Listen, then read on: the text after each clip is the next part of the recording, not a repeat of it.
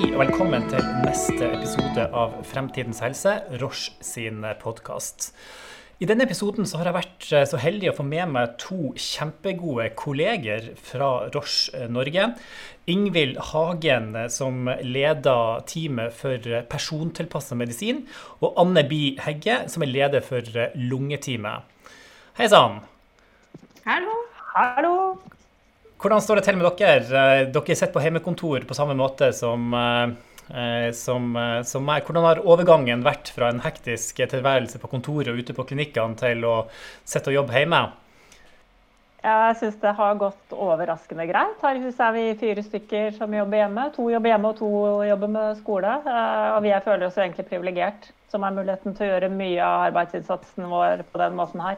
Og sånn sett holde så, en så normal hverdag som mulig i den situasjonen. Men du må være lærer også da, Ingvild, i denne situasjonen, eller? Ja, i en viss grad. Vi har en som går tredje klasse på videregående, som klarer seg veldig mye sjøl. Og så har vi en niendeklassing som trenger litt oppbacking innimellom. Kanskje mest for motivasjon, ikke så mye det faglige. Hvordan er det hjemme hos, hos deg, Anne Bida?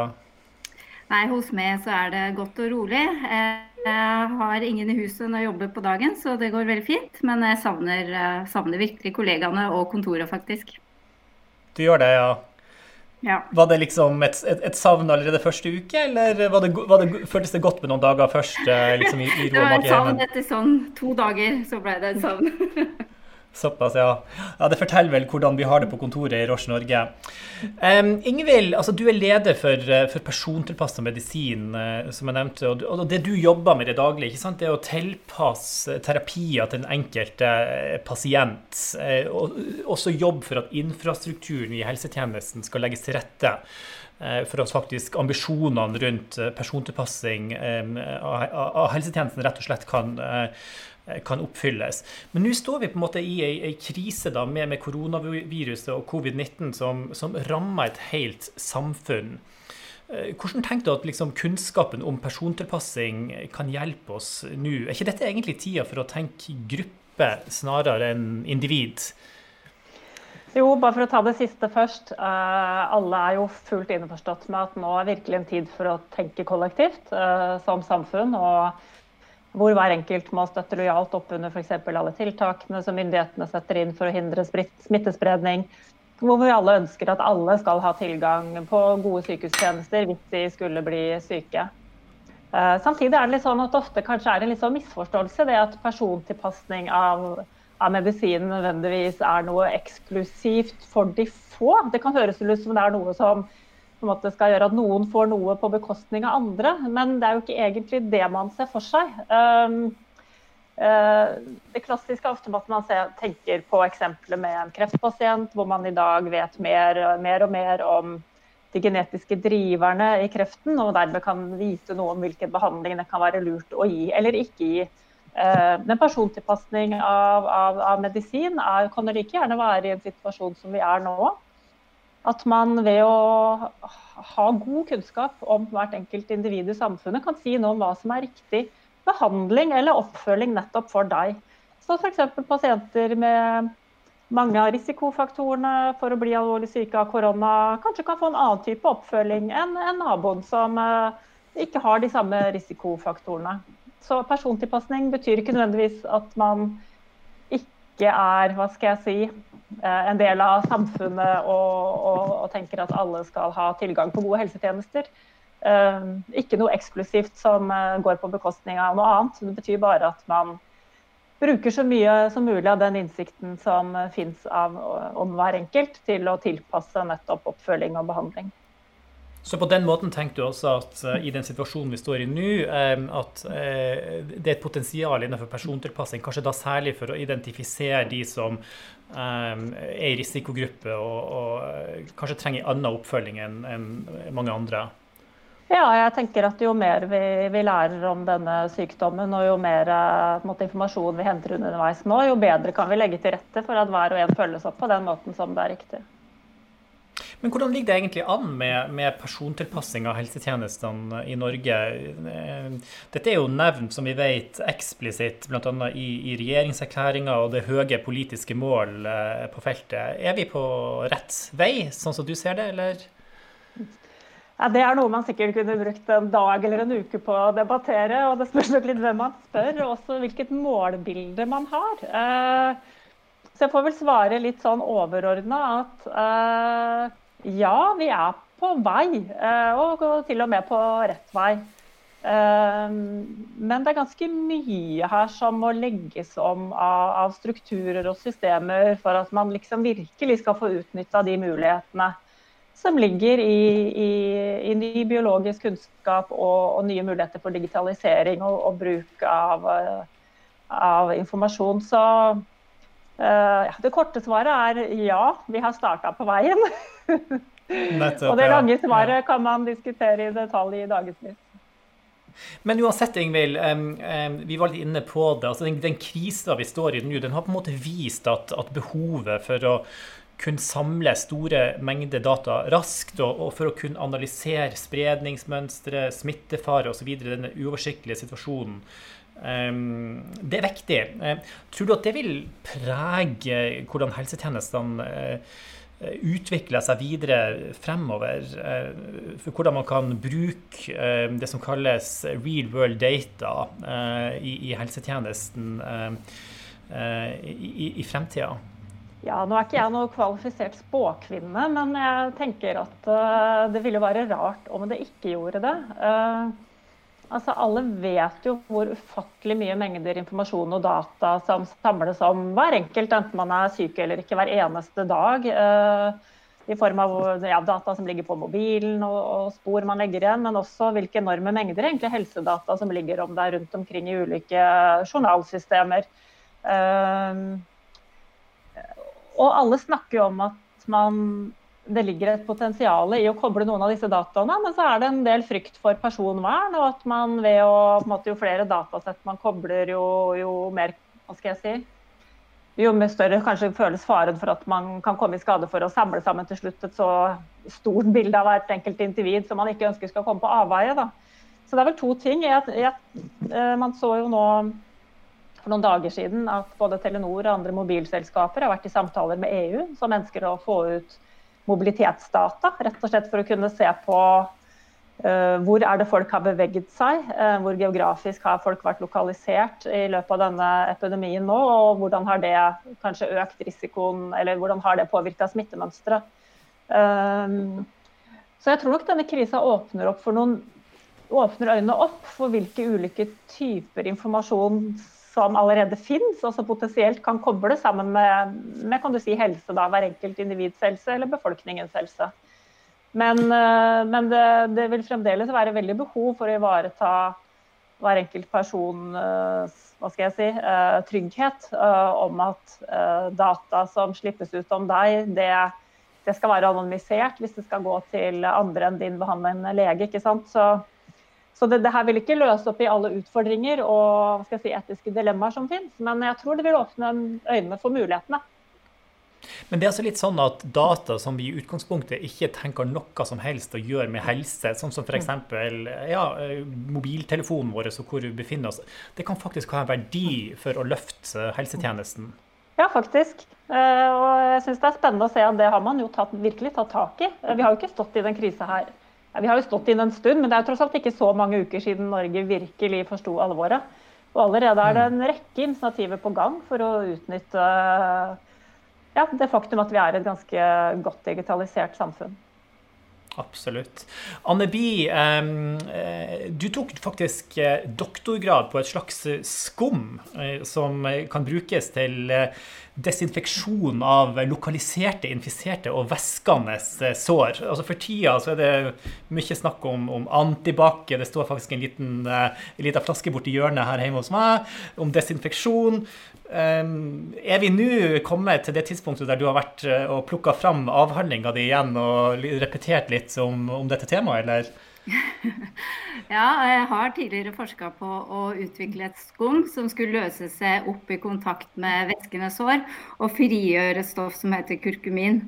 Og kurkumin det høres sikkert ukjent ut, men det er faktisk en bestanddel i krydderet gurkemeie. Så de fleste har nok vært borti det på et eller annet vis. Så Hensikten med dette skummet er jo som du sier da, at det skulle desinfisere sår ved at det lyser på såret etter å ha lagt på skummet. Og at det skulle drepe både virus og antibiotikaresistente bakterier. Eh, dessverre så er det jo sånn at eh, jeg tror ikke det her er, løsningen for eh, covid-19-sykdommen. Fordi han er nødt til å komme til med lys.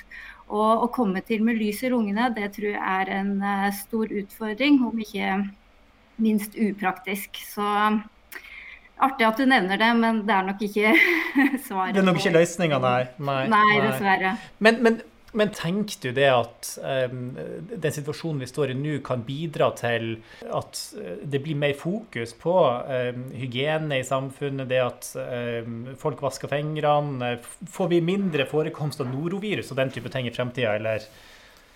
Ja, det tror jeg absolutt. Jeg tror uh, man har blitt flinkere allerede. Og det virker jo som uh, alle har fokus på hygiene. Jeg har sjøl begynt å vaske alle overflater med klor f.eks. daglig. Det gjorde jeg virkelig ikke før. Så det her har nok en mer langvarig effekt òg, tror jeg. Jeg forstår. Du Anneby, du er leder for, for lungefeltet eh, hos oss i, i Roche Norge. Du jobber mye med, med kreft, eh, men, eh, men, også med andre sykdommer. Og, Eh, vi var inne på betydninga eh, av, lungene ikke sant? i, i, i um, det sykdomsbildet som, som preger media liksom, og hele den offentlige diskusjonen for tida. Men ellers altså, får lungene den oppmerksomheten de fortjener i, i Helse-Norge? Ja, det er jo ikke så veldig vanskelig å tenke seg hvor viktig organ lungene er for oss. Og det er klart at vi som jobber med alvorlig lungesykdom i Roche, sånn som lungekreft og en uh, sjelden form for kronisk lungefibrose, vi tenker at de sykdommene her bør få mer fokus. Og lungekreft er jo en veldig vanlig kreftform som rammer ganske mange kort år. Og dessverre òg en av de mest alvorlige formene for kreft.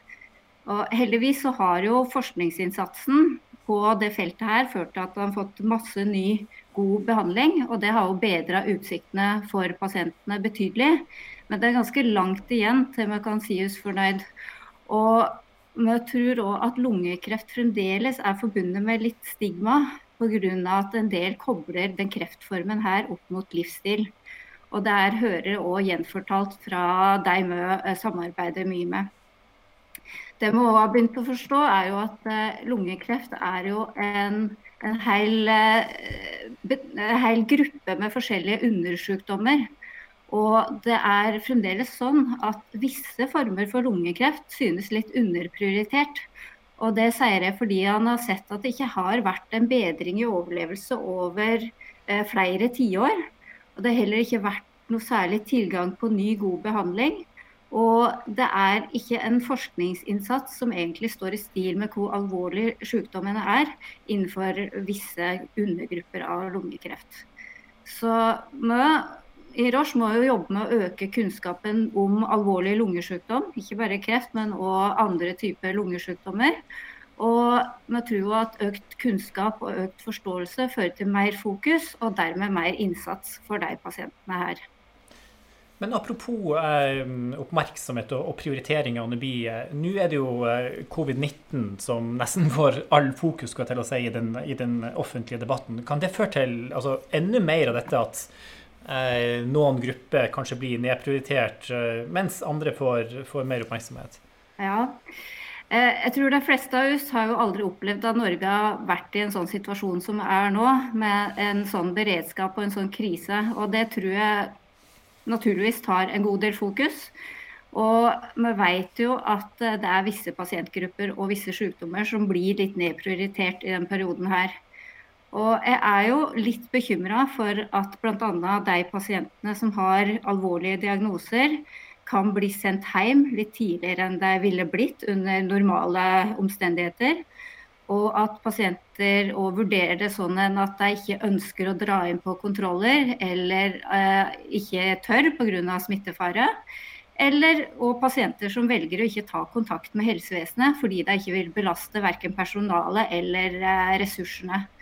Og ikke misforstå, jeg har veldig stor tiltro til eh, det norske helsevesenet, og ikke minst til de som jobber der.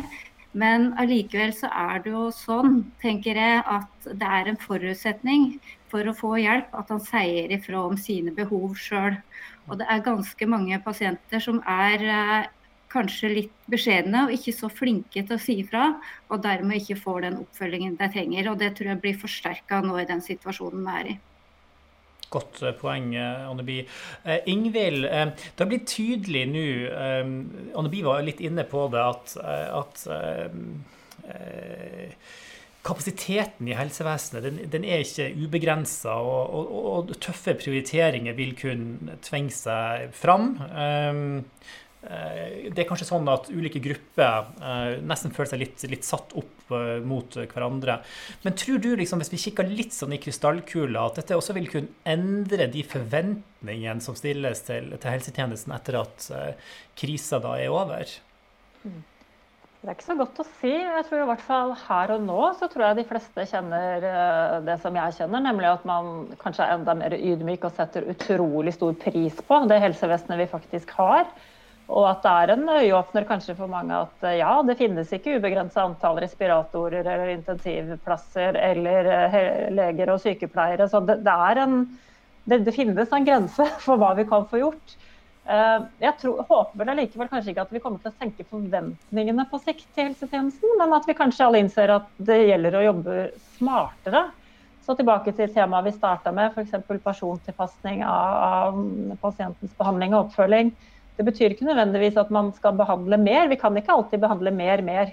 Eh, men at vi må gjøre det mer spissa og tilrettelagt og sette inn støtet der hvor det virkelig trengs, og der hvor det har størst effekt. Litt i tråd med det man allerede gjør med prioriteringer i Norge. Men eh, ja, jeg tror i hvert fall alle har fått et, et nærere forhold til helsetjenesten i løpet av de siste ukene. Det, det tror jeg. Mm. Absolutt.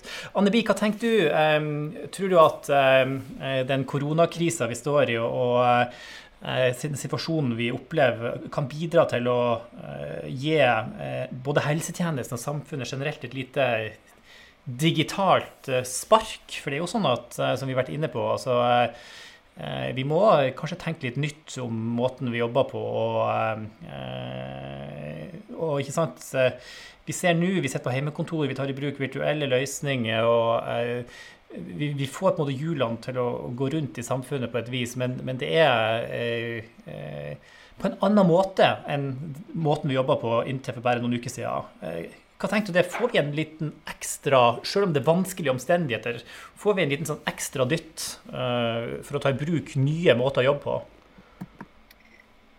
Ja, jeg tror jo det. Og han, jo, han, kan jo mest eh, snakke fra egen erfaring, men jeg ser jo at det er så mange gode initiativ på alle mulige områder når det gjelder å dele alt fra musikk til kunnskap, lære seg nye ting og logge seg inn på digitale plattformer. Så det hadde jo forundra meg om han på en måte la fra seg alle disse nye digitale vanene som oppstår i den tida her. Men jeg veit ikke. Nei, det er vel vanskelig å, å si. Um, men uansett, um, Anne Bi og Ingvild, tusen hjertelig takk for at uh, dere satte av litt uh, tid til å være med i uh, denne podkasten. Og til alle dere som lytter på, tusen takk for følget. I neste episode skal vi få møte Torbjørn Halvorsen, som er medisinsk ansvarlig i Roche Diagnostics Norge, og som skal snakke litt om testing for koronaviruset. Takk for i dag.